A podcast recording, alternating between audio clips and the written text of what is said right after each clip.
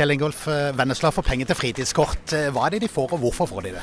Ja, nå vil alle barn og unge mellom 6 og 18 år i Vennesla få 2000 kroner hver. Men de kan kun bruke det på fritidsaktiviteter, så det er fast organiserte aktiviteter. Enten det er speider eller fotball eller kor, eller det du ønsker å bruke det på. Og målet er jo at alle barn og unge skal bli inkludert. At ingen må si nei fordi de ikke har råd til å delta. Hvorfor får Vennesla det?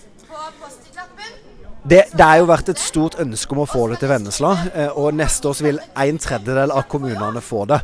Så nå har Vennesla vært heldig å bli plukka ut, og jeg har store forventninger til at en lokalt gjør det en kan for å inkludere enda flere barn og unge. For jeg tenker det er noe av det viktigste vi kan gjøre i samfunnet, sikre at barn og unge er inkludert. Da tror jeg vi forebygger veldig mye i framtida.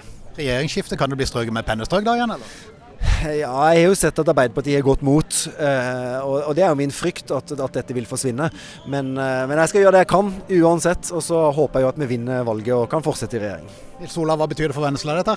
Ja, Det betyr faktisk alt det vi har jobba for nå. Det er å få folk ut, ut av fattigdom.